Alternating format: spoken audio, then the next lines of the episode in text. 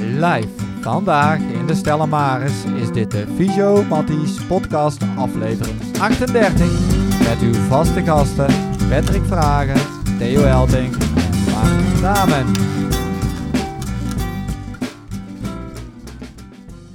Ja, we gaan het vandaag hebben over, uh, over training, periodisering, schema's maken en eigenlijk nog, uh, nog, uh, nog veel meer. ik ben eigenlijk benieuwd naar jou, Theo. Van, ja, jij bent vroeger wielrenner geweest, topwielrenner. Hoe zat het met jouw schema's? Werd je begeleid? Had je een trainer? hoe ging je daarmee om? Ik ben van de eerstejaarsnieuweling ben ik gescout. En op tweedejaarsnieuweling werd ik inderdaad met trainingsschema's werd ik begeleid door Louis de Lahey. En uh, ik heb eigenlijk twee uh, wat bekendere trainers gehad met Adrie van Diemen en Louis de Lahey dan, die ik echt in verschillende ja. jaren heb, uh, heb gezien eigenlijk. En ben ik altijd begeleid geweest. En er waren gewoon schema's die eigenlijk per week slash per dag werden uitgeschreven. Ja. Dus dan gaf je je feedback aan de hand van data of hoe je je voelde? Een, en die... Ja, een belletje, een mailtje terug van nou, hoe gaat het in dit geval. En je maakt de lange termijn, termijnplanning en die ga je gewoon vervolgens weer kort invullen. Oké, okay, nou dan komen we daar ja. nog wel even op terug. En jij Patrick, jij, jij hebt een achter, andere achtergrond, hè? je bent eigenlijk voetballer. Ja, ook jij hebt te maken gehad met trainers, maar dan op een ander vlak denk ik. Ja, uiteindelijk als je gaat kijken naar de amateurvoetbalwereld in Nederland, dan loopt dat nog best wel een beetje achter. En op gebied van training is de kennis van de trainers, um, ja, die is gewoon nog best wel uh, heel erg uh, minder. Um, en dus ik heb wel uh, trainingen gehad, maar dat was in mijn ogen, als ik daar nu uh, op terugkijk, was dat een beetje bezigheidstherapie. Uh, je probeert het spelletje voetbal op een leuke manier uh, te spelen, maar trainingstechnisch ja, leek dat natuurlijk nergens op. Nee, nee het is ook een andere soort sport ook wel, hè? Ja, ja maar ook, ook daarbij kun je gewoon op het gebied van fysieke training veel betere resultaten halen als je gewoon gerichter gaat trainen in plaats van zomaar wat doen. Ja, nou, ik was er ook zo eentje die zomaar wat deed. Ik had een achtergrond, een sportachtergrond, een sportopleiding gehad en ik deed de opleiding fysiotherapie, maar ik deed mountainbiken. Uh, ik heb nooit geen trainer gehad. Ik deed het ook een beetje zelf eigenlijk. En uh, ik heb nooit geen trainingsschema's ge gehad. Ik deed, uh, ja, ik deed het gewoon echt een beetje op, op alles gevoel. Op, alles en dan gevoel, kocht ja. ik weer een keer een hartslagmeter. En dan, dan las ik weer een boek. En, ik heb ooit een, een, boekverslag ook geschreven in de middelbare school van Kees Vermunt, een moderne wielertrainer. en, en dat zat dan nog een beetje in mijn brein. En dat, dat was nog heel veel rond de omslagpunt trainen. Dus daar had ik dan de, de, mijn hartslagmeter voor nodig. Maar dat was een beetje de principe principes die ik uh, uh, toen hanteerde. Maar ja, we hebben nu een online meeting met, uh, met succesvol coach-trainer Guido Vroemen. welkom Guido. Hoi. Ja, hoi. Ten eerste gefeliciteerd met de prestaties van, die je de afgelopen weken eigenlijk gehad hebt met de, met de sporters die je begeleid hebt. Um, ja, ik, ja ik, ik, denk dat het ook geen toeval is dat de afgelopen weken veel van jouw sporters eigenlijk op de juiste moment in, in, in vorm zijn geweest. En daar wil ik het eigenlijk dadelijk mee uh, willen we het daar met jou over hebben. Ik wil even kort een opsomming geven van, uh, van wat er gepresteerd is. Um, misschien nog wel veel meer als ik hier op mijn lijstje heb staan. Maar uh, ik zag dat op 13 augustus Jeroen van Eck Europees kampioen is geworden op de mountainbike onderdeel Eliminator. en afgelopen weekend zelfs tweede is geworden op de, op de wereldkampioenschap. Ja. Jetse Plat uiteraard met de Paralympische Spelen. Die heeft in vier dagen tijd drie gouden medailles uh, weten te winnen op, uh, op verschillende onderdelen, wat ontzettend knap is. Anne Terpstra, niet te vergeten, vijfde plaats op de Olympische Spelen. En vorige week tweede op de wereldkampioenschap cross-country mountainbiken. Ja, en dat is allemaal in de afgelopen ja, drie, vier weken heeft dat plaatsgevonden. Voor jou een heel druk, drukke periode geweest, denk ik. hoe, hoe heb je dat beleefd, Guido? Ja, heel intens. op zich was het, voor, de druk, qua drukte moet ik zeggen, is, ligt eigenlijk voor mij de piek daarvoor. Want ik moet eigenlijk in al die maanden die ervoor liggen dan ben ik veel meer aan het puzzelen. Uh, en, en, kijken hoe het gaat en of de, uh, um, of de voortgang goed gaat, of ze niet te moe worden. En eigenlijk als je nou ja, naar de wedstrijd toe gaat, dan, dan is het eigenlijk alleen nog maar ja, de teugels goed in de handen houden en, en afremmen. En zorgen dat ze fris genoeg zijn. Want die laatste twee weken is voor mij eigenlijk als coach, trainer, is eigenlijk vrij simpel. Weet je, ik, hoef ze, ik, moet ze gewoon, ik heb wel dagelijks dan, bijna dagelijks contact met ze. Um, en dan is het voor mij van belangrijk dat ze zich gewoon uh, nou ja, goed voelen, fris worden en, en, en heel veel zin hebben in die wedstrijd. Ja, je zegt uh, trainer-coach, maar ik begrijp ook dat je achtergrond eigenlijk, uh, je bent sportarts. Uh, ja. Ja, er zijn eigenlijk drie rollen die je nou eigenlijk beschrijft. Hè? Je bent sportarts, eh, of ja, die beschrijf ik Ja. dan. Eh, je bent eh, trainer, coach. Ja, wat, Ja. Hoe, hoe, hoe combineer je die rollen en wat is voornamelijk jouw rol bij het begeleiden van die, van die, van die sporters? Ja, mijn, ehm, bij deze sporters is mijn, mijn grootste rol is eigenlijk de, de trainer zijn. Ehm, zorgen dat ze op het juiste moment hun topvorm hebben. Dat waar zij goed willen zijn en, wa- en waar we dat plan hebben voor gemaakt. Als ze op dat moment goed zijn, dat is de belangrijkste taak van mij. De weg er naartoe ga je steeds, zeg maar, nou ja, net iets over de grens heen om iemand beter te maken. En ja, dan zijn zeg maar ook mijn, mijn eh, dan is mijn kennis als sportarts natuurlijk ook super belangrijk, omdat ik ja, dan goed in de gaten kan houden dat ik niet te lang doorduw. Of als er pijntjes komen, of dat wel een pijntje is en dat kunnen we hier wel mee doorgaan, of moet ik even gas terugnemen. Het zijn allemaal beslissingen die je onder, onderweg tegenkomt. Ehm, en met heel veel, nou ja, met mijn kennis als sportarts kan ik makkelijker beslissingen nemen dan zeg maar als je alleen trainer bent. Dan kom je dat ook tegen van ja, kan hij wel of niet trainen? Is dit, is dit, is dit ehm, gevaarlijk om een blessure op te lopen? Of niet? Hè? Wat moeten we doen? Mhm. Ehm, en eigenlijk kan ik dat, nou ja, weet je, dat, dat, dat ben ik dan al drie in één, hè? Ja, ja. Je, je hoeft eigenlijk dan ook niet te overleggen met anderen, want eigenlijk gebeurt alles in jouw hoofd. En dat Ja. maakt het natuurlijk wel voor de Ja. sporter een stukje makkelijker. Ja, dat is inderdaad wel eh, het grote voordeel. Dat je dan ehm, nergens meer naartoe hoeft naar andere vragen om te, nou ja, te laten beoordelen van ja, wat moet ik doen? Eh, kan ik wel of niet trainen? Ehm, want ik, ik, ja, weet je, ik maak met mezelf die afweging. En we gaan dit doen of we gaan dat doen. En dit is, dit is een risico wat we kunnen nemen of niet. En mocht er iets zijn van, ja, weet je, een hobbel in de. Er kan altijd een hobbel komen op je pad. ehm, waarbij je mogelijk wat meer onderzoek nodig hebt. Ja, dan heb ik ook weer het voordeel dat ik dat snel kan regelen. Connecties. Hè, mocht je een, een, een scan of iets dergelijks, of een echo of iets dergelijks nodig hebben, dan is dat nou, door mij vrij snel te regelen, omdat ik ja, daar ook in dat vak nog zit. Ja, duidelijk. Ja, je, je, je, je- noemt dus straks van ja, ik ben trainer en, eh, en coach. Ja, in mijn optiek, we hebben een paar weken geleden, net voor onze vakantie, hebben we een podcast opgenomen met eh, professor Dr. Nico van Ieperen. Die zit in de sportpsychologie, misschien wel bekend bij jou, eh, Guido. Ehm, Ja. ja, die heeft het echt duidelijk over een, een trainer. Ja, die is echt gericht op, op het boeken van prestatiewinst. Hè. Die, die zit eigenlijk Ja. voor, voor Ja. het voortraject, zeg maar, en het periodiseren naar een doel toe. En als coach is het eigenlijk, eh, noemde hij het, reduceren van het prestatieverlies die op kan treden hè, door, door van allerlei omstandigheden. Hoe zie je daar de, jouw rol in als, als coach? Ja, ook daar, weet je, als trainer, coach en ook weer sportarts. Ik heb er wel eens met een collega, en dat is al langer geleden wel, dat ik wat net begon als trainer daarbij, eh, met mijn werkzaamheden als trainer. Die zei van, ja, maar dat kan je nooit combineren, hè? want dus een trainer is degene die duwt je over de grens. En een sportarts is degene die houdt je daar juist weg. Weet je, die, die behoedt je voor blessures. En toen zei ik, ja, dat klopt in principe wel.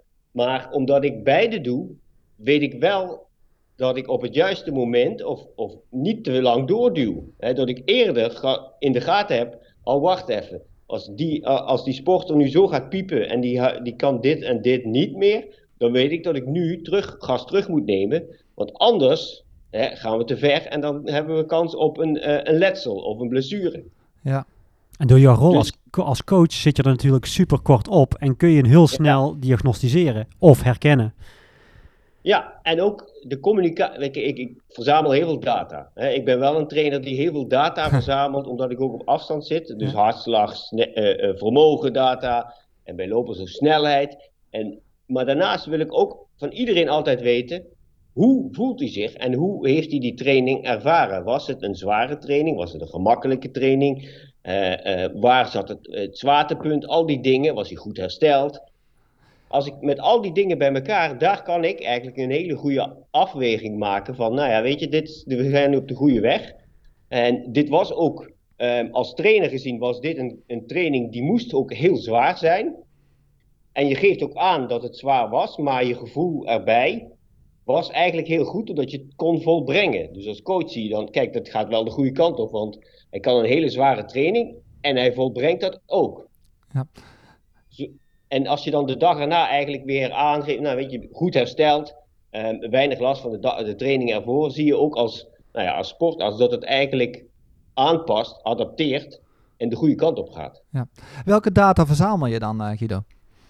Ja, ik heb met, met, eh, met mijn mountainbikers en wielrenners moeten ze altijd sowieso begint het al met de vermogenmeter. En daarbij wil, ik- moet ik ook, wil ik ook dat ze een hartslagmeter dragen. Die vermogenmeter heb ik nodig, omdat ik dan van hun terugkrijg wat zij aan werkelijke arbeid hebben verricht. Dat is gewoon eh, eh, de mechanische arbeid die ze verrichten. En als ik die heel veel verzamel, kan ik daar steeds hun beste 30 seconden, 60 seconden, 2 minuten, noem het allemaal maar op. De hele vermogen tijdscurve kan ik daaruit halen en zie of die steeds per bepaalde tijdsblokken beter wordt. Ja. Daarnaast geef ik opdrachten aan die, ehm, aan die fietsers per, nou ja, aan de hand van vermogen. Dus ze moeten bijvoorbeeld intervalblokken rijden met 10 keer 1 minuut 500 watt. Waarbij ze 30 seconden pauze hebben en dan mogen ze onder de 200 watt rijden bijvoorbeeld. Dat is een hele duidelijke, eh, een duidelijke omschrijving en makkelijk ook te volgen. Hartslag heb ik daarbij nodig, omdat ik dat, dat is eigenlijk de reactie van het lichaam op die prikkel die ik met vermogen geef. Dus als ik iemand 1 minuut 500 watt laat rijden, dan is er in die 1 minuut gebeurt er wel wat met die hartslag. Maar na die minuut ook nog. Dus dat is een vertraagde reactie. Maar je hebt wel steeds een beetje dezelfde reactie van die hartslag op een bepaald vermogen. En daar zie je wel dingen in de loop van de tijd soms veranderen. Ehm, langzamer of trager reageren van hartslagen. Dat, zegt, dat zeggen sporters dan ook. Hè, dat je de, die, die, die, die training voelde zwaar, maar hartslag kwam bijna niet omhoog. En dat zijn ook typische opmerkingen waarvan ik dan weet, nou dan ga ik te veel vermoeidheid opstapelen in iemand. En dan moet ik uitkijken dat ik niet te lang dit doorduw en op tijd rust geef. Ja. Ik, eh, ik sprak eh, van de week sprak ik Jules van Loon. eh, daar heb ik vroeger nog mee, mee gemountainbiked. Die heb je nog training gegeven, begreep ik. En die was Ja. aan het vertellen, ja, Guido doet alles met vermogensmeter. En sterker nog, ik, ik kan niet meer zonder vermogensmeter, zei, zei Jules. En ik zei, Ja. nou, ik heb nog nooit mee vermogensmeter getraind, nog nooit. Hij zei van, ik pak nog niet eens mijn fiets zonder, zonder dat er een vermogensmeter op zit. Dus hij, hij- op al zijn fiets heeft hij een vermogensmeter zitten. Eh, Ja. eh, Theo, jij hebt vroeger ook met een vermogensmeter nog, eh, nog getraind, toch? In je laatste jaren? Toen ik eh, prof was in eerste instantie was het natuurlijk alleen die hartslagmeter. Maar eh, later is er die eh, vermogensmeter wel bijgekomen. Ik denk dat ze nu wel een stukje verbeterd zijn in de loop van de tijd. Want je had in het begin ook niet dat je tussen, tussen het linker en het rechterbeen kon meten. Maar daar zijn we toen in eerste instantie wel met, mee gestart. Maar die waren nog wel kwetsbaar, die dingen hoor. Ja? Ja, maar ja, het geeft natuurlijk wel behoorlijk veel. Of ja, eigenlijk gewoon de directe input die, je die je moet hebben. En zoals Guido uiteindelijk al, ge- al geeft, als jij een bepaalde training uit moet voeren, is het in dit geval vanaf seconde 1 kun je in een bepaalde zone rijden. En ben je Ja. dus niet zomaar in het duister aan het tasten. Nee, je bent echt gewoon daadwerkelijk aan het trainen wat je eigenlijk beoogt wil te gaan te trainen Ja. in dit geval. De enige wattagemeter die ik heb is, eh, is Swift eigenlijk. Ja, en die is, eh, hoe, hoe nauwkeurig zou die nou in godsnaam zijn? Gebruik jij het ooit, Patrick? Ik gebruik het nooit, nee. Ja. Ja, maar jij zegt, eh, Guido, je kunt eigenlijk niet meer trainen zonder, zonder een goede vermogensmeter eh, op je fiets te hebben. Ja, het kan wel, natuurlijk kan het wel. Kijk, er zijn er ook nog die dat wel, die dat eigenlijk zonder doen. Eh, Je Louis is bijvoorbeeld een, voordeel, een voorbeeld ehm, van een trainer die er wel zeg maar, naar kijkt, maar er niet zoveel mee doet. Die stuurt niet aan op vermogen, zoals ik Nee. zeg maar, mijn trainingen programmeer. Het doet veel meer zeg maar, op ehm, R- RPE, hè? hoe zwaar is het? Eh, rate of Perceived Exertion, wat hij Ja, dan zegt. 0 vragenlijst. tot 10, 10 is dan max. Ja. Ehm, en dat doet hij bijvoorbeeld bij Annemiek ook. En dat kan ook. Maar zij rijdt ook. Kijk, zij heeft ook een vermogenmeter op de fiets. Dus achteraf kan zij ook dan zien. Als zij zeg maar niet naar, dat, naar de meter kijkt. En ze moet een training doen van bijvoorbeeld 10 keer 1 minuut. Wat ik dan weer noem. En ze moet gewoon hard. Zo hard als ze kan. Dan kijkt ze achteraf. Kan ze dan ook wel zien hoe hard die minuten waren. En daar leert ze dan van. Van ah, dus 1 minuut kan ik zo lang. Zo vaak achter elkaar. Zo boven een bepaald vermogen rijden. Dus als ik dat wil, dan moet ik dat dus zien te verbeteren als ik daar sterker in wil worden. Ja. En ik denk als je hoe, hoe langer je eigenlijk met een vermogenmeter traint, dat wil niet zeggen dat je daar afhankelijk van wordt, want dat hoor je vaak ook wel op tv zeggen, want ja, ze zijn altijd naar het betertje zo te kijken en ze kunnen niet meer zonder. Nou, ik denk dat het sterker is als, jij de, als, je, als je hem afplakt. Die gasten weten nog steeds wel wat ze trappen. Hm. Ik, ik rij al ja, misschien al wel, wel 15 jaar of zo met vermogenmeters. Alle, op alle fietsen heb ik dat ook. Maar als ik, ehm, ik had het daar met Jetsen ook nog over. Die, eh, die, doet het, die doet ook al alles daarmee. En dat is al vanaf tien jaar geleden dat ik met hem begon. Ehm, die kan ik het ook gewoon afplakken en laten rijden. En hem dan vragen onderweg van, nou ja, wat is je vermogen, wat is je hartslag nu? Dan kan hij dat binnen, nou laten we zeggen, binnen 5% nauwkeurig kan hij dat gewoon vertellen. Omdat hij zodoende ook zijn lichaam ehm, leert kennen. Ja. Maar voor mij is het nog, eigenlijk nog belangrijker dat ik steeds die data terugkrijg. Want nou ja, als je 270 op je critical power levert of 275, dan is dat vooruitgang. Maar in gevoel is dat nog steeds zeg maar een, ja, een 8 of een 9. Ja. En hartslag verschilt dan niet. Dus dan kan ik niet zien of iemand beter of slechter wordt. Eh, En daar heb ik die, die cijfertjes wel voor nodig. Gebruikt Jetsen eh, ook tijdens de, de Paralympische Spelen om eh, eh, eigenlijk een soort van taakgerichtheid tijdens een opdracht eh, eh, Olympisch Ja. goud, zeg maar. Hè? Dus dat, die, dat zijn Ja, taak eigenlijk is om, om, eh, om die wattage te halen in plaats van die gouden medaille te halen, om die afleiding te hebben, zeg maar. Ja, dat is in de, dat, die tijdrit hebben we echt wel heel erg nauwkeurig bekeken. Eh, ik had het parcours en ik wist dat het hè, dus acht, ah, was 8 kilometer, drie rondjes en er zaten een aantal beklimmingen in. En die beklimmingen knip je dan op. En ja, weet je, die beklimming moet je dan oprijden eh, met een vermogen van 270, 280 bijvoorbeeld. En dan afdalen met 200 watt, dat is dan zat. En dan kom je uiteindelijk in al die rondjes, als je dat stabiel rijdt, op de beste tijd uit. Mhm. Is, dat, is dat een onderdeel van het plan? Want als ik kijk van bijvoorbeeld naar eh, eh, eh, Anne Terpstra, eh, die heeft eigenlijk heel weinig vervallen in de race. En dat zie je bij Jetse Plat eigenlijk ook terug. Ja. Hè? Die blijven eh, van begin tot het eind lijkt het wel of ze de, eh, net zo fris zijn, zeg maar. Eh, Ja. Is dat bewust zo, eh, dat, dat, dat het heel gelijkmatig is? Of eh, zit er een plan achter? Of is dat per toeval dat het mij nou opvalt, zeg maar? Nou, dat is geen toeval. Dat had ik al gedacht. Nee, nee, nee. Bij, ehm, ja, bij de tijdrit sowieso bij Jetsen, dat, dat was eigenlijk gewoon stabiel rijden. En, en dat is dan wel stabiel zo hard als, het, als ik denk Ja. dat het kan. En als, het, als hij meer zou kunnen, dan zou hij best wel iets meer kunnen. Maar hij, we, wi- ik wist wel, of hij wist ook wel, dat hij moet daar niet in de eerste ronde veel te ver boven zitten. Want uiteindelijk levert hij dan twee keer zoveel in de laatste ronde bijvoorbeeld in. Ehm, bij Anne is het natuurlijk wel wat anders, want ja, cross-country, dat is minder een ehm, ehm, gelijkmatige Ja. inspanning. Dat gaat al hard, eh, dat is aanzetten, remmen, aanzetten, remmen, aanzetten, remmen, en dat gaat maar de hele ronde zo door. En zij is wel een rijdster die een, een, hele sterke VO2 max motor is, heeft. Hè, dus die kan heel hoog, eh, heeft een hoog zuurstofopnamevermogen, maar in het korte explosieve werk is ze niet slecht, zeker niet, maar ze is daar niet de beste. Dat zie je in de start en in de short races. Mhm. Er zijn andere dames die zijn veel explosiever en die knallen er dan in één keer in. Dat, dat heeft Anne niet. En daarom is het ook, hebben we ook wel een beetje zeg maar, de strategie aangehouden. Laat die maar gaan. Hè. Ga niet als een blinde erachteraan rijden en blaas je niet zelf op. Maar blijf gewoon stabiel hard rijden, want dan kom je gewoon weer terug.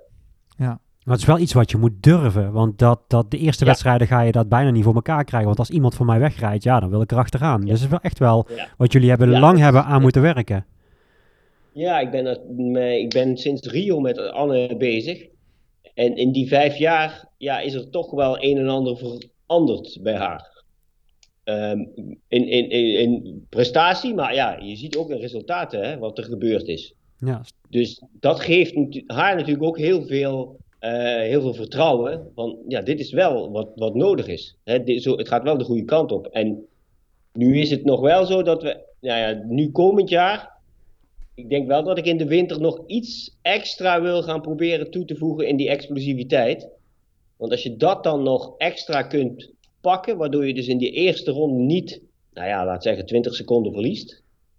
Ja, dan, dan zit je dus eigenlijk dichter bij een eerste plek steeds dan, dan dat je nu steeds op, twee, eh, op de tweede plek strandt en dat eentje te ver weg is.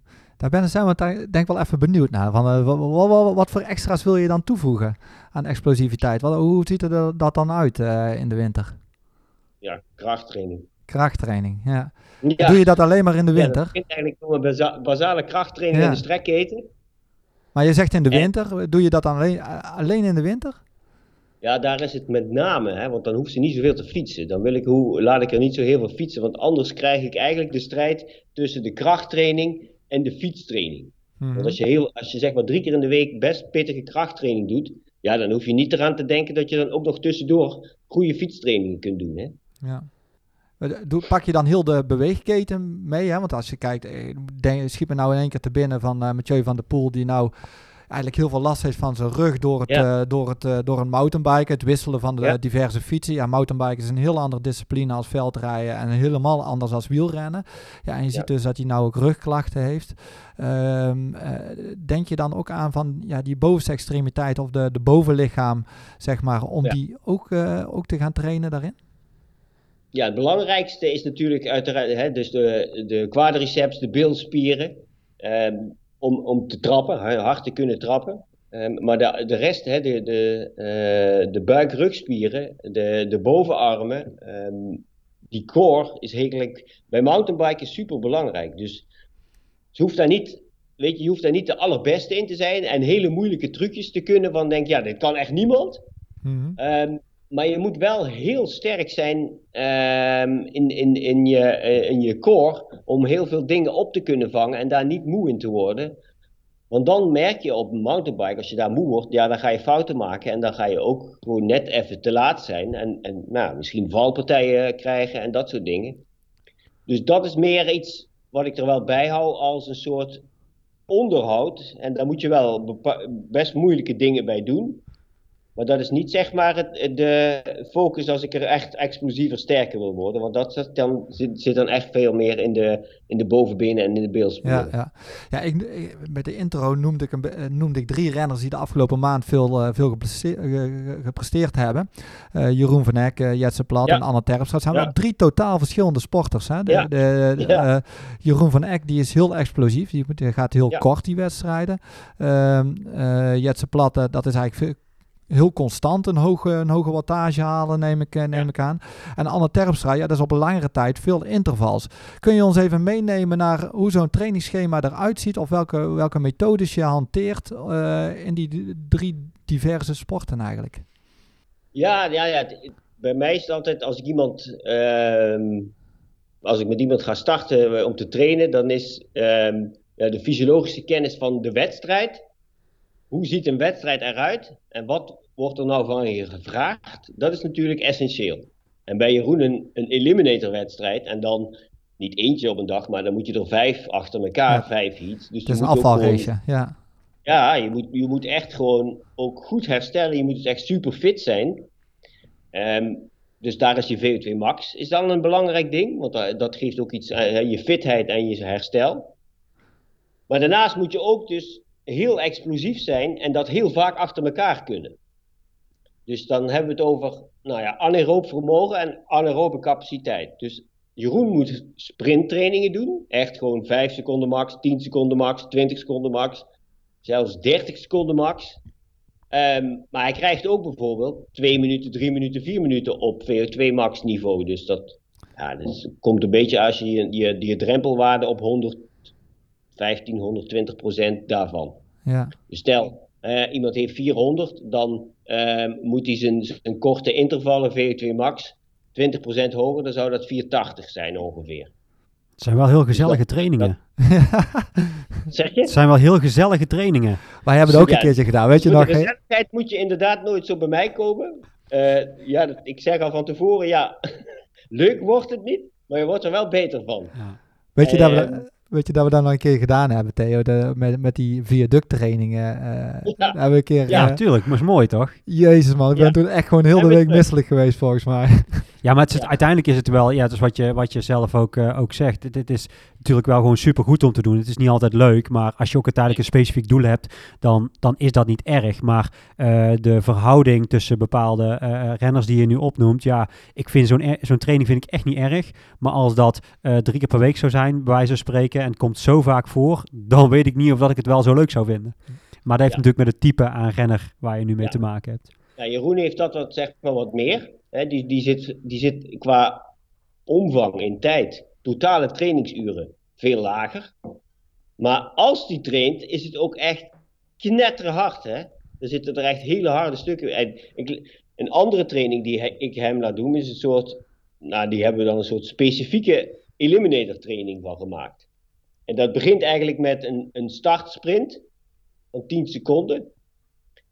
Waarna die eigenlijk 30 seconden ehm, heel hard moet doorrijden. En dat komt eigenlijk neer op nou boven de 120%. Dus van zijn drempel. Ehm, daarna zit er eh, weer een sprint van 10 seconden. En dan krijg je nog weer zo'n blok van 30 seconden. En dan heb je nog een eindsprint. Dus dan zit je eigenlijk nou, bijna anderhalve minuut met drie sprints. En eh, de- twee keer 30 seconden echt vet in het rood. Zo.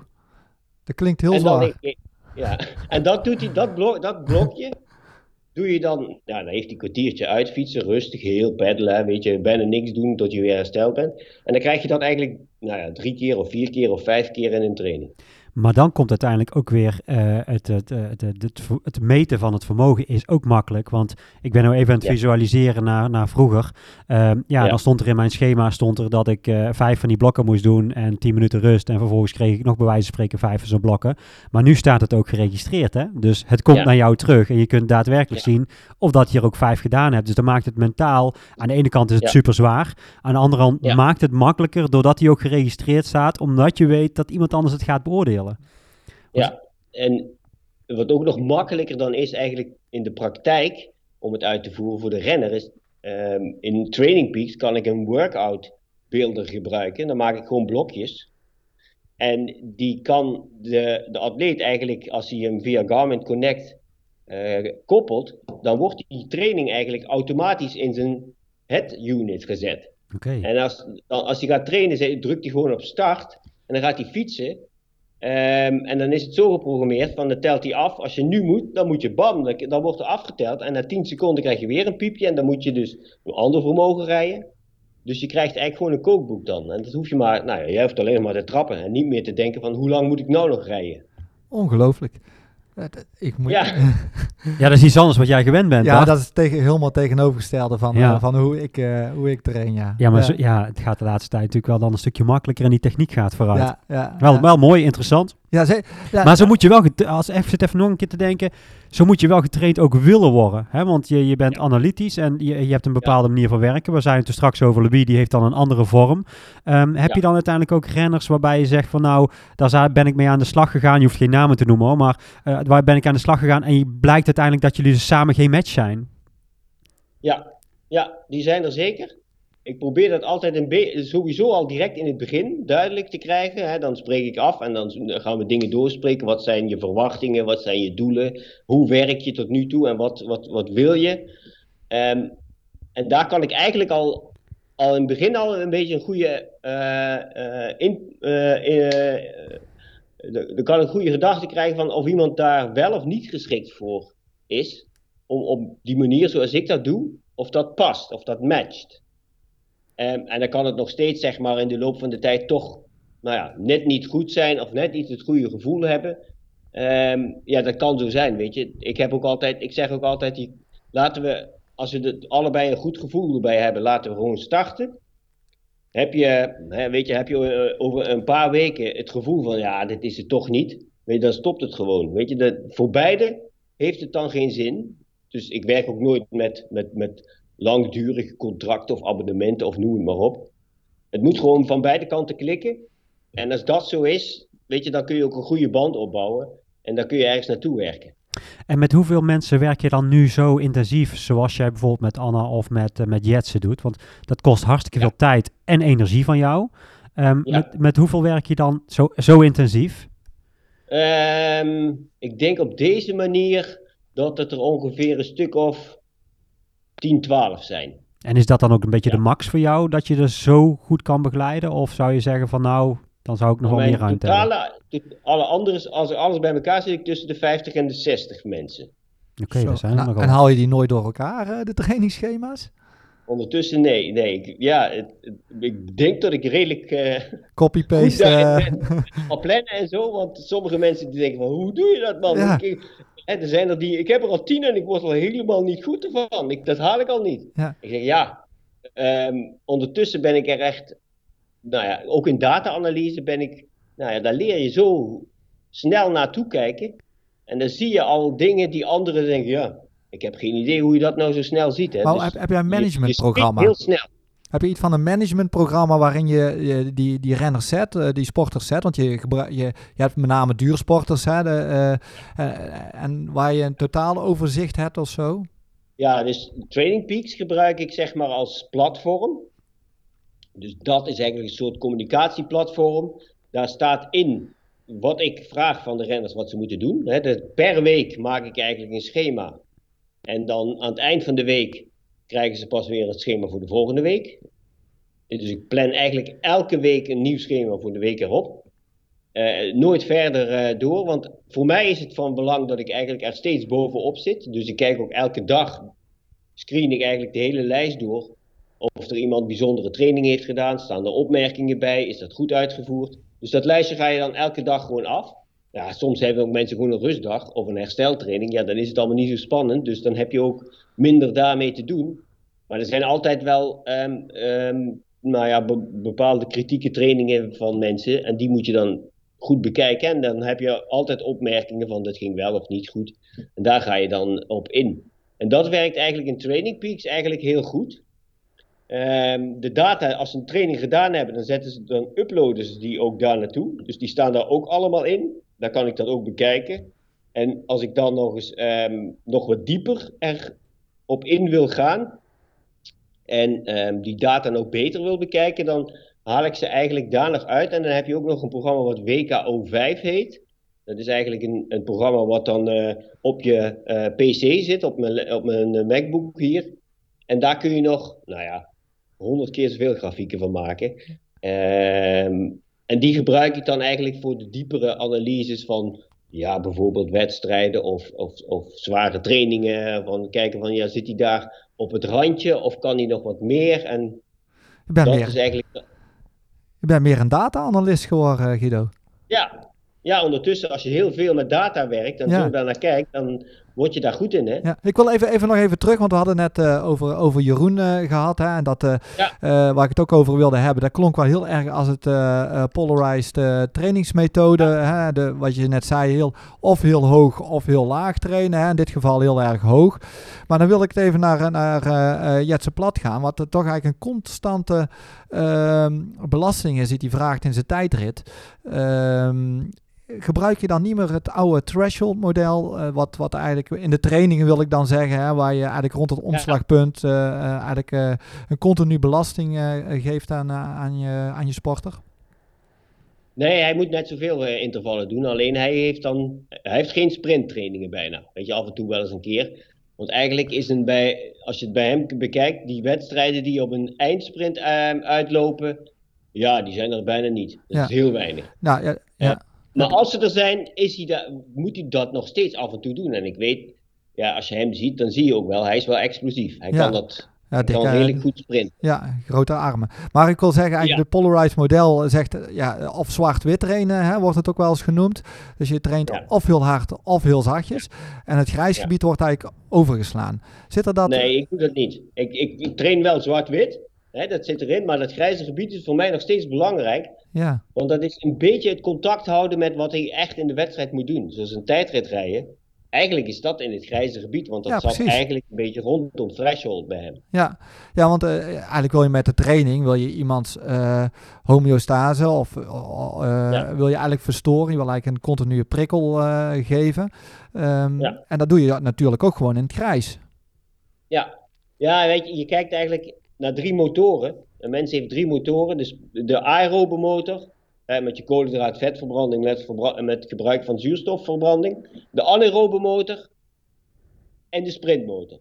Mhm. Nou ja, voor die wedstrijden heb je, die, heb je een grote aerobe motor nodig. En Jets heeft een grotere aerobe motor nodig, bijvoorbeeld dan Jeroen. Want Jeroen heeft niet zo'n lange wedstrijd, het zijn allemaal kort, maar die, heeft, is wel een, die moet wel groot genoeg zijn om goed te herstellen steeds. Maar zijn, eh, de anaerobe motor van Jetsen moet ook wel sterk zijn, maar niet zo sterk als die van Jeroen. Want hij hoeft niet vijf wedstrijden achter elkaar vol in het rood te knallen. Mhm. Dus bij Jeroen maak ik die anaerobe motor zo groot als maar kan. En bij Jetsen is die ook al heel groot, omdat hij hard moet kunnen aanvallen. Alleen dat heeft niet zoveel nadruk als bij Jeroen. Ja, En Anne zit daar een beetje tussenin. ja dat was, je, die- eh, die, die- gaat het combineren. Ja, de, maar die, ik, ik, de trainingen zitten dus eigenlijk allemaal om aerobe motor te be- beter te maken, om anaerobe motor beter te maken en ook om je sprintmotor goed te houden. Ja. Of beter te maken. Het klinkt zo helemaal niet, eh, niet ingewikkeld als je het zo uitlegt. Nee hoor, is het ook allemaal niet. Ja, nou ja, als je die data allemaal noemt, dan denk ik er anders over. Ja. Dan, dan, dat lijkt me toch wel een heel lastig verhaal. Waar ik eigenlijk Ja, wel benieuwd als- naar ben, eh, Guido, is hè, bij die tijdrit hè, die, die Jetse Plat dan eh, gereden heeft. Ehm, in welke mate hou je daar ook rekening met de mentale aspecten tijdens zo'n tijdrit? Hè? Want je maakt van tevoren een pacingplan. En Ja. eh, wat nu als hij door bepaalde omstandigheden net even 20 watt eronder zit? Ehm, hè, zijn er dingen Ja. die je van tevoren al met hem doorspreekt, bijvoorbeeld? Ja, dat is natuurlijk wel iets wat, je, eh, wat ik niet in de hand heb.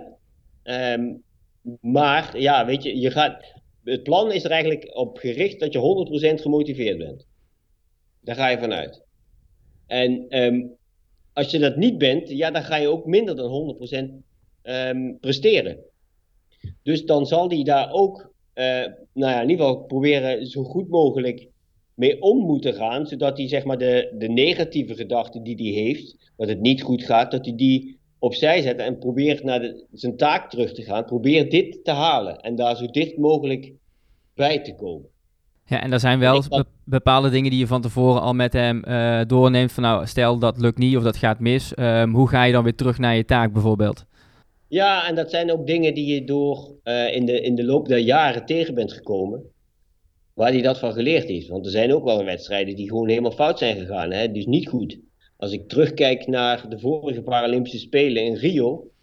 De tijdrit daar, dat ontplofte niet helemaal. Hè, de eerste ronde ging hij zo hard van start.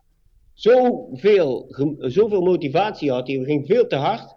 En het was daar nog warmer dan in Tokio. Dus de tweede ronde was totaal oververhit en ja, zakte niet helemaal weg.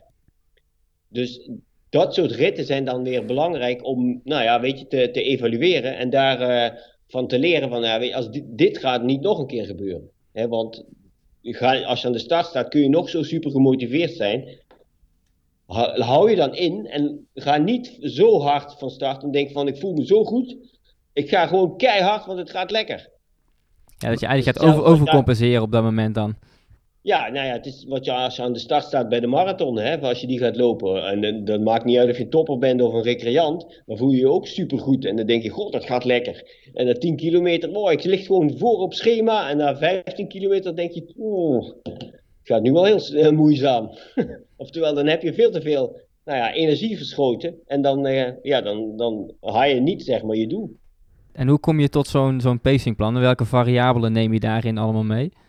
Eh, bij die tijdrit, dan weet ik eh, het parcours. Dus dat waren drie rondjes van acht, zeg maar 24 kilometer. Ehm, ik weet wat hij, wat zijn threshold power is en ehm, wat welk vermogen hij. En dat kwam uit op ehm 260, 270 watt gedurende 30, 35 minuten of zo. Ehm, en dan ga je kijken, wat- ja, ik weet de CDA-waarde. Het weer kun je, kan ik er nog bij halen. Dus CDA-waarde, wat is CDA-waarde? Ook CDA-waarde is zeg maar zijn ehm, eh, de, de luchtweerstandscoëfficiënt. Dus oh ja? hoe harder je gaat, hoe meer luchtweerstand je hebt. Je hebt met hem in een windtunnel of zo gezeten. En dan, ja, in, en- eh, in de TU Eindhoven bij Bert Blokken zijn we geweest en daar hebben we ook eh, die metingen gedaan. ja. Ehm, dus daar weet ik van hoeveel luchtweerstand hij opwekt als hij in die lichtfiets gaat rijden. En hoe lager dat getal is, hoe minder luchtweerstand je hebt. Ja. Dus als ik dat allemaal bij elkaar in, het, in, de- in mijn model stop, dan kan ik met die drie rondjes bij elkaar, dan kom ik uit op een bepaalde tijd dat hij daarover doet als hij dat vermogen rijdt. Ja, dan kom ik uit op, ehm, het was iets van bijna 40 minuten, dus dan zit ik een beetje, ja, 260, dus dan zal ik misschien ietsje eronder moeten gaan zitten. Dus 250, 260 watt was dan een beetje, zeg maar, het streven. Ja. En zo hè, maak ik dat plan, want ik weet van dit kan hij zo lang, zoveel minuten ah, volhouden, want dat is zijn beste prestatie ooit. En als hij dat volhoudt, en het zeg maar ook heuvel op iets meer en heuvel af weer iets minder, dan gaat hij die tijd rijden. Ja.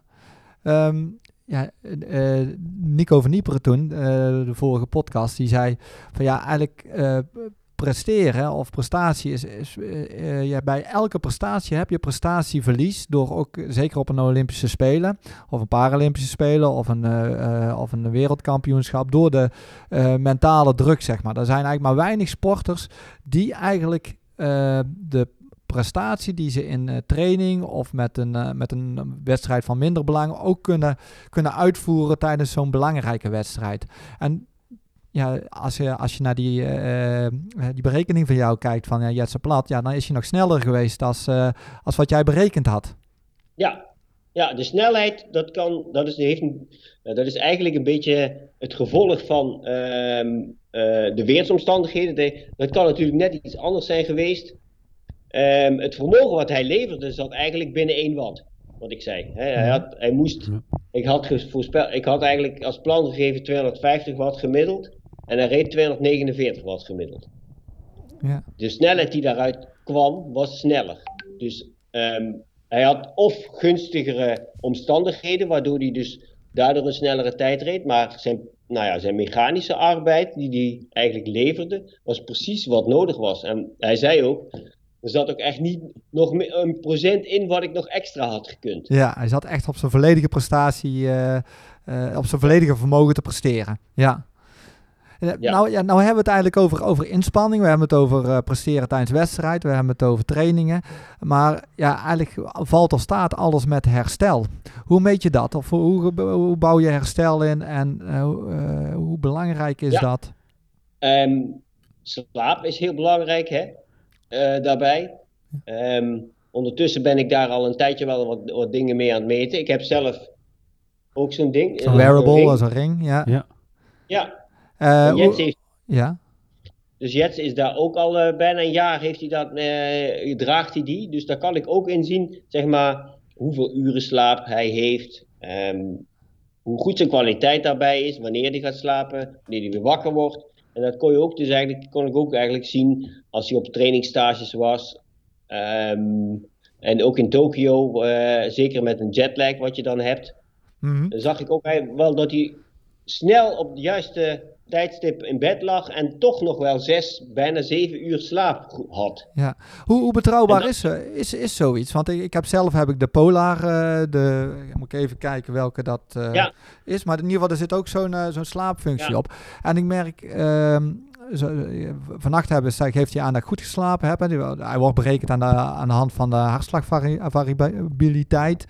Um, maar gisteren gaf hij aan dat ik slecht geslapen had. Terwijl ik gewoon uh, heerlijk uh, geslapen had voor mijn gevoel. En gewoon uitgerust uh, voor de wekker al wakker was. En hij gaf aan dat ik zeer slecht geslapen had.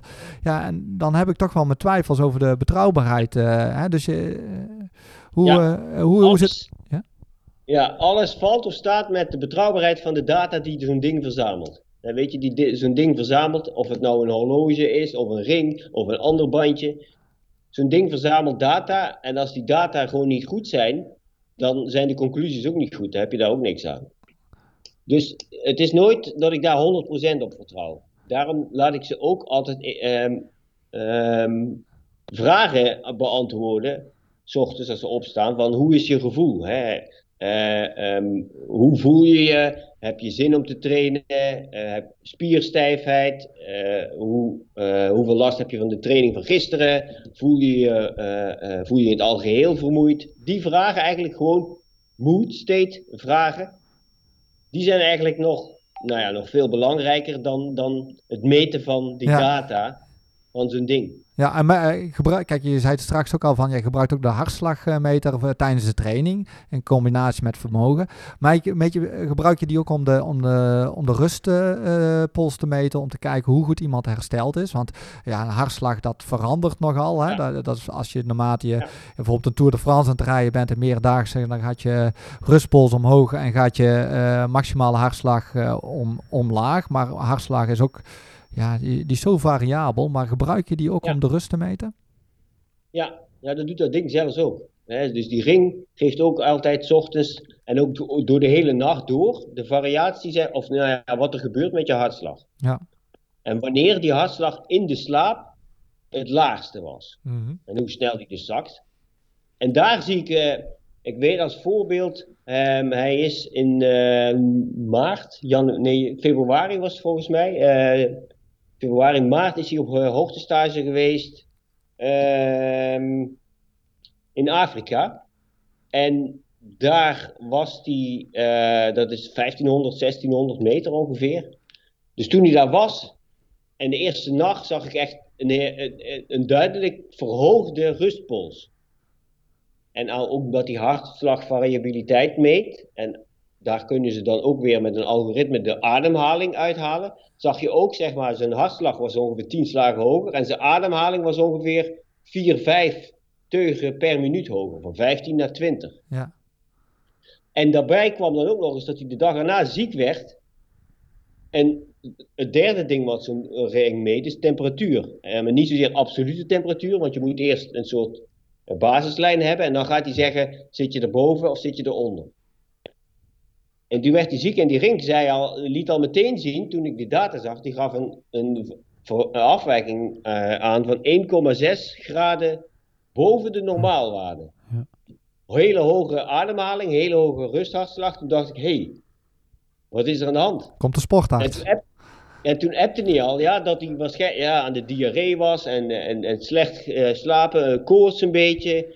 Ik zeg, oké, okay, dat, ja, ik zag al dat soort dingen. En dat gaf mij ook wel weer wat meer vertrouwen, zeg maar, over die data. Van, dat is wel betrouwbaar. Ja. Ik, ik heb hem zelf ook en ik heb na mijn tweede vaccinatie zag ik ook um, een duidelijke piek. En ik merkte uh, één dag na mijn tweede vaccinatie dat ik uh, s'avonds dacht ik, boh, toen voelde ik ineens dacht ik van hé, hey, er gebeurt wat. En uh, ik, ik, een soort nou ja, temperatuursverhoging, hè, dat je een beetje gaat rillen. Ik denk, toen ben ik vroeg naar bed gegaan. En zelfs die pikt hij op. Ja. Dan gaf hij gewoon meer dan een graad temperatuurverschil in die nacht. En dan zag je ook aan de rustpol, of aan de, aan de, ja, aan de rustpols eigenlijk, in de nacht bleef hij heel lang hoog. En aan het eind van de nacht, tegen een uur of vijf of zoiets, toen ging hij omlaag. We, weet je wat de betrouwbaarheid is van die ring ten opzichte van, van, uh, van die Polar? Want ik heb, ik heb zo'n Polar en die, ja, volgens mij meet hij geen temperatuur. Nee, die meet geen temperatuur. Die ring heeft een apart, die heeft drie sensoren erin en daardoor meet die, uh, kan die ook temperatuur meten. Dus wat dat betreft heeft die, po heeft die Polar dat niet. Um, maar hij meet eigenlijk alleen temperatuurverschillen dan. Maar toch is het sensitief genoeg om daar iets over te kunnen zeggen. Dus dat vind ik dan wel, dat vind ik wel knap daarvan. En ze, ze doen best wel veel onderzoeken met dat ding. Ja. Um, en hij komt toch best wel goed steeds eruit. Hè? Best goede betrouwbaarheid. Maar nog, weet je, ik zei al, het is nooit 100% betrouwbaar. Dus je denkt, ja, die ring zegt dat ik slecht geslapen heb. Ik kan niet trainen vandaag. Nee, nee. Maar het klinkt, klinkt me trouwens wel een leuk cadeautje. Want ik ga volgend jaar, uh, ga ik, uh, 2022, ga ik trouwen. dat lijkt me een mooie trouwring. Uh, ja, ik heb er nu trouwring ja. en de aura ring. Ja, ik denk dat ik eh, mijn vriend, vriendinnen dan uh, vrouw, ga, dat ik zo'n zo ring ga geven of zo. uh. Ja, dus eigenlijk geef je jezelf cadeau dan. Ja. ja. Die is dan eigenlijk net zo duur als die van haar. Is ook in het goud, want dat hoort toch eigenlijk in gouden te zijn. Ja, dat maakt niet uit, jongen. Passen niet bij elkaar. Het gaat om de functionaliteit. Stel, je kunt, je kunt hem ook nog dan gaan gebruiken als je een kinderwens hebt. Om de temperatuurschommelingen bij je vrouw bij te houden. Oh ja? Ja, dat doet hij ook. Zo nauwkeurig is het wel. Dus een beetje birth, dus een beetje gaan uh, plannen wanneer je, wanneer ja, vrouw in de vruchtbare periode zit. Ah, okay. kijk eens. Ja, daar heb je tegenwoordig allemaal testen voor. Nou ja, ja, ja, ja de, alle twee hebben daar nou niet meer nodig, denk ik. Uh, dus, uh, maar dat is wel een, uh, wel een goede tip, ja. Guido. Ja. Hey, maar um, nou hebben we dus een ring, wearables. Doe je ook nog iets mee voeding voor het herstel? Want je voeden, of ja, de, de ja, herstel is eigenlijk toch ook best wel complex. Hè? Ja. Um, ja, ja. En, uh, ja, voeding... ik werk eigenlijk bij, bij een aantal atleten, waaronder Jets ook, werk ik samen met uh, um, uh, een sportdiëtist. Um, en in dit geval is dat, ik denk dat je hem wel kent, Rob van der Werf. Ja, daar hebben wij ja. eerder ook een podcast mee opgenomen met Rob. Ja, ja, Rob doet een aantal sporters van mij, doen we dat samen. Um, en waarbij hij dan met name dus de voeding intake en wat hij dan, wat ze dan in, dat ze genoeg eiwitten, genoeg koolhydraten, genoeg drinken dat is eigenlijk uh, de taak van Rob, dat hij dat echt uh, strak in de, in de gaten houdt. Um, en um, dat, hij, dat, is eigenlijk, dat kan hij ook allemaal precies zien van, weet je, dan zit hij er bovenop als hij te weinig eet of te veel afvalt of noem het maar op. Ja. En is dat, is dat, ook, is dat ook ergens meetbaar? Is daar ook een soort van, uh, van wearable voor, voor, uh, voor, wat, je, wat je bijhoudt? Uh, um... Nee, dan moet je gewoon eigenlijk scoren. Hè. Je moet gewoon zeggen wat je gegeten hebt. En dan kan, als je die, die producten allemaal bijhoudt, dan kun je natuurlijk wel uitrekenen hoeveel calorieën, hoeveel koolhydraten, eiwitten, vetten je allemaal hebt gegeten. Um, en wat we bijvoorbeeld ook hè, genoeg drinken. Dat hebben we Um, zowel bij Anne als bij Jetse heb ik een, uh, een warmteacclimatisatieperiode voor de Spelen heb ik mhm. die uh, gepland. Dus dat, ze moesten allebei een week of twee lang elke dag een uur tot 75 minuten in een warmtekamer trainen. En daar moesten ze steeds zeg maar wegen, trainen en daarna weer wegen. En dan kijken hoeveel, hè, met, aftrek van wat ze gedronken hadden, hoeveel vochtverlies ze hadden daar, dat hadden we, daar hebben we natuurlijk ook hun plan in Tokio op afgestemd. Mm-hmm. Ja, knap. Um, nou ben je al een, een, heel aantal jaren trainer, coach, sportarts. Um, uh, je bent uh, uh, sporters aan het begeleiden op allerlei niveau. Recreatieniveau, wedstrijdniveau, topniveau denk ik. Hè? Ik denk dat je ook recreanten ja. misschien wel, wel hebt. Ja, maar die zijn wel heel fanatiek. Die zijn wel heel fanatiek, ja. Een beetje zoals ons. Ja. Ik weet niet of je ze dan een recreant kan noemen, of ze dat pikken, maar ja. het zijn geen profs, dat dan niet. Maar... Nee. maar wat ik eigenlijk wil vragen is, zijn jouw inzichten de afgelopen jaren veranderd? Zijn er nou dingen die je nu anders doet dan jaren geleden? Denk aan je intervals of zo die je bij, bij je sporters laat doen. Um, uh, heb, je, heb je andere inziens in de, in de trainingsleer uh, gekregen? Ja, er zijn op zich wel wat dingen veranderd soms dan, bouw, dan, dan um, nou, zijn het meer de bouwstenen die je in een training stopt, die wat anders worden. Wat ik bij een aantal, bijvoorbeeld in de winter heb toegevoegd, dat is eigenlijk dan, dan de krachttraining op de fiets. Um, en dan echt met hele hoge uh, torquewaarden. Uh, dat is eigenlijk het momentwaarde. Dus je hebt een lage trapfrequentie je moet een viaduct hebben, wat je net al zei. Mhm. Je hebt een viaduct en je mag uh, je trapfrequentie tussen de 50 en de 60 houden. Mhm. En dan zeg ik, ah, uh, dan reken ik zeg maar uit van, nou ja, dan wil ik een bepaald moment hebben. En dat zit dan vaak op, nou ja, dat, dat komt uit op, op um, 1 nanometer per kilogram. Dus als je 75 uh, eh, kilogram is, zou dat 75 nanometer zijn. En dan kun je dat gaan berekenen hoeveel watt met 60 omwentelingen dat is. Mm -hmm. dat, eh, om het simpel te zeggen, eh, als je 60 omwentelingen trapt, dan moet je het met 2 pi, dat is de omtrek van een cirkel, 2 pi r, de 6,3 keer 75, dus 6 keer 75, ze zijn er nog, hou je nog ja, ja, ja, ik ga dit een keer terugluisteren, of een uh, keer of 4, 5 denk ik. 6,3 keer 75 is uh, eh, 450, zeg maar, bijna 500 watt. Dus dan laat ik ze met 500 watt, iemand die 75 kilo is, moet met 60 omwentelingen 500 watt trappen een viaduct op. Nou, als je dat een keertje wil doen, succes, maar daar werden de meesten van mij die helemaal niet blij van. Moet ik dit alweer doen? Het zou wel goed zijn, maar ja, je ziet op een gegeven moment, er zijn een aantal die zijn echt fucking sterk geworden en heel veel vermogen trappen. Mm. En dat denk ik van, weet je, dit zijn dit soort specifieke krachttrainingen zonder dat je in een krachthonk zit. En je moet een viaductje hebben natuurlijk, want anders werkt het niet. Maar dit soort trainingen ga je daar wel bij helpen. dat zijn wel dingen die ik eigenlijk in de laatste, het laatste jaar eigenlijk pas ben beginnen toe te passen. En waarom 50 à 60 omwentelingen? Waarom geen 80 of 90 omwentelingen? dan ga je een andere, weet je, dan ga je meer, zeg maar, eh, minder vragen van jouw explosieve kracht. Je gaat andere spiergroepen meer gebruiken, ja. Dan, ga je, dan wordt het, als je op 80 omwentelingen doet, um, kun je dat ook bereiken, maar dan wordt het vermogen wat je moet leveren, moet ik helemaal... Ja, volgens mij heeft uh, Adrie van Diemen daar een onderzoek uh, naar gedaan, ja. Je gaat van 60 naar 80, dus dat is 30% meer. Dus dan zou je die 500 ook nog eens 30% meer moeten ja, Ja, dat is dus onmogelijk. Dus als je het op 80 omwentelingen doet, Dat is Ja. niet meer te doen, man. Nee. En is het dan eigenlijk een beetje als een verlengde van eh, de, de, bijvoorbeeld de fitness, gewone reguliere krachting, eh, krachttraining die Ja. je doet? Dus bijvoorbeeld als ik dan een cyclus heb, ik begin in eh, oktober en ik ben tot januari krachttraining aan het doen, dan een stukje een overgangsfase waar je dit nu noemt en dan vervolgens naar de weg. Of een andere discipline. Ja, ja je begint eigenlijk de, de, gewoon de krachttraining binnen. Ja. En daar doe je dan de squat oefeningen, lunge oefeningen, al die dingen. En dan ga je daarna ga je dat eigenlijk eh, op de fiets al gaan uitvoeren. En op een gegeven moment komt het, eh, eh, het voorseizoen of het seizoen eraan en dan haal ik die eruit, want dat is echt gewoon killing. Dat wil ik dan niet meer. En Te belastend. Gewoon hard fietsen. Ja, Ja. te- ja, ik heb eigenlijk nou een persoonlijke vraag een beetje. Van, eh, van of je eh, hardlopen en wielrennen, het combineren, hoe, hoe gaat dat? Hè? Merk je dan als mensen dat gaan doen, hè? bijvoorbeeld in de triathlon. Jij komt volgens mij ook uit de triathlon sport, eh, begreep ik. Ehm, heb je dan vermogensverlies op de, als je gaat hardlopen op de fiets of andersom? Ja, daar moet je wel eh, eh, de voldoende training, wisseltrainingen voor doen. Hè? Weet je, als je eh triatleten hebt, die hoeven eigenlijk, bij wijze van, hè, die gaan eerst fietsen en dan lopen. Je hebt duatleten, die moeten lopen, fietsen en lopen. Dus Mhm. die hebben ook nog eens eerst lopen, dan fietsen en dan weer lopen. Dus je hebt wel de wisseltrainingen nodig met de overgang. Dat je denkt van, ja, weet je, we gaan nu een blok of een training doen waarbij we hè, rustig gaan lopen. En dan daarna gaan we een kilometer eh, heel hard tempo lopen, wat bijvoorbeeld je 10 kilometer wedstrijdtempo is. Snel de wisselzone in, waar je fiets staat in een training. Wisselen. En dan de eerste vijf minuten van die fietstraining in dat rondje trap je ook op je drempel door.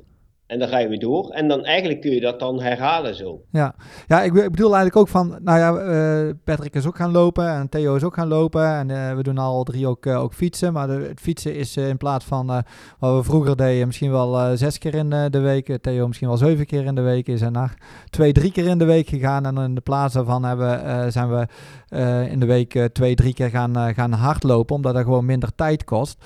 Ja. eh, kan dat ook, eh, verlies je dan ook meteen eh, vermogen eh, omdat je minder fietst, maar wel net zoveel sport? Of hoeft dat niet per se?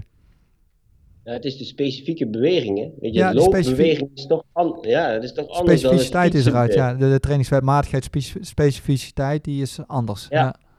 Ja, ja, ja, want het lopen is toch een andere, weet je, excentrische beweging. En dan de, de, de veerkracht die je bij het lopen steeds hebt. En bij het fietsen moet je gewoon echt veel ehm, nou ja, vermogen uit je quadriceps en je billen halen.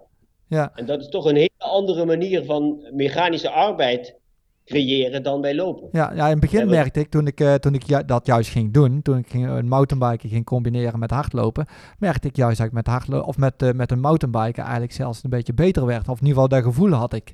Eh, en dat was misschien wel het verstoren weer van mijn, van mijn evenwicht, van mijn homeostase. Dat het eh, Ja. toch, toch die nieuwe trainingsprikkel, dat ik daar toch heel even goed op reageerde. Maar nu heb ik dat eh, na jaren eh, niet meer, zeg maar. Maar dat komt misschien door die eenzijdigheid in training die er nu in zit. Ja, Ehm, eh, ik heb eigenlijk nog wel een vraag van, als sporters door jou getraind willen worden, heb je dan eigenlijk nog ruimte? Of hoe, hoe, hoe gaat dat dan in zijn werk? Ja, eigenlijk, eh, eh, ik heb mijn, mijn website. Ondertussen, zeg maar, vanaf begin van dit jaar heb ik me.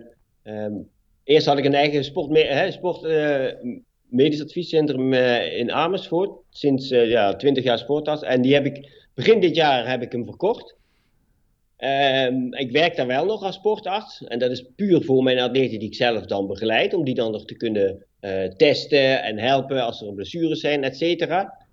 En ehm, daardoor heb ik ook dus eigenlijk een nieuwe onderneming, de training en coaching. En dat is gewoon guidovroemen.nl. En dat vinden mensen natuurlijk. Hè? Weet je, als je Guido Vroemen intikt, dan vind je al heel makkelijk guidovroemen.nl. Ja, En ehm, daar staat eigenlijk met name op van ehm, hoe mijn werkwijze is. Of je je daarmee kunt, eh, of je daarmee overeenkomt. En denk, ja, weet je, dat is wel wat bij mij past. En dan sturen mensen mij eh, eh, meestal wel een e-mail met de vraag van, nou ja, weet je, ik heb dit als doel. En zou je me kunnen helpen of heb je ruimte? En dan ligt het een beetje aan van, nou ja, waar in welke periode ik zit, of ik ruimte of niet heb. ja, ja. Duidelijk. Ehm, Ja, jij hebt ook een boek geschreven. Oh, Ik, ik heb altijd mensen, zeg maar, nou ja, dit- het zijn, het hoeft, je hoeft niet een A-sporter te zijn. Je hoeft niet eh, de Olympische Spelen of de Paralympische Spelen te halen.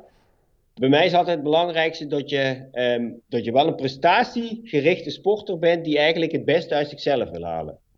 En waar dat doel, de- waar- die prestatie dan ligt, dat maakt niet uit. Als je maar het beste uit jezelf wil halen, dan kan ik je wel helpen. Nou, dat klinkt iets voor onze drie. eh. Ik, ik denk dat wij dat wel kunnen, ja. ja, dat, dat- zeker tegen. Jongens, weet jullie wel wat jullie zeggen? Want hebben jullie net gehoord over trainingen die gast die bedenkt? Ja. Ik, weet niet, ik weet niet hoor, maar in ieder geval, Bart, jij gaat zeker naar de kloten. Dat weet ik nu al in dit geval al. Want je moet een beetje positief gek zijn om zulke zware trainingen aan te kunnen. En wanneer je Ja. progressie ziet, is dat natuurlijk ook super gaaf. Maar het vergt best wel wat. Nou, vooral de data denk ik dat voor mij een, eh, een, eh, kijk, ik kan zeker wel afzien. Ik denk dat ik gruwelijk Hey. kan afzien, maar op, eh, eh, o- aan de hand van een schermpje, dat, daar weet ik niet of ik daar, eh, daar Ja. de persoon voor ben. ja. Nou, afzien dat kan niet wel, want dan kijk maar op, woensdagochtend een keer achterom, Theo. Dan, ja, eh, Guido, hij moet uiteindelijk, Bart in dit geval in het midden, die moet uiteindelijk altijd het meest afzien. Ik snap ook niet waarom. Ja. nou, hey, maar Guido, jij hebt ook een, eh, eh, een boek geschreven. eh, het, eh, het geheim van, van wielrennen. Eh, ik heb dat boek proberen te bestellen, maar het is overal uitverkocht. Ja, dat klopt. dus alleen, nog- volgens mij is het alleen nog maar eh, digitaal. Ja, En is die te koop of in de Engelse versie. Dat kan wel. oké.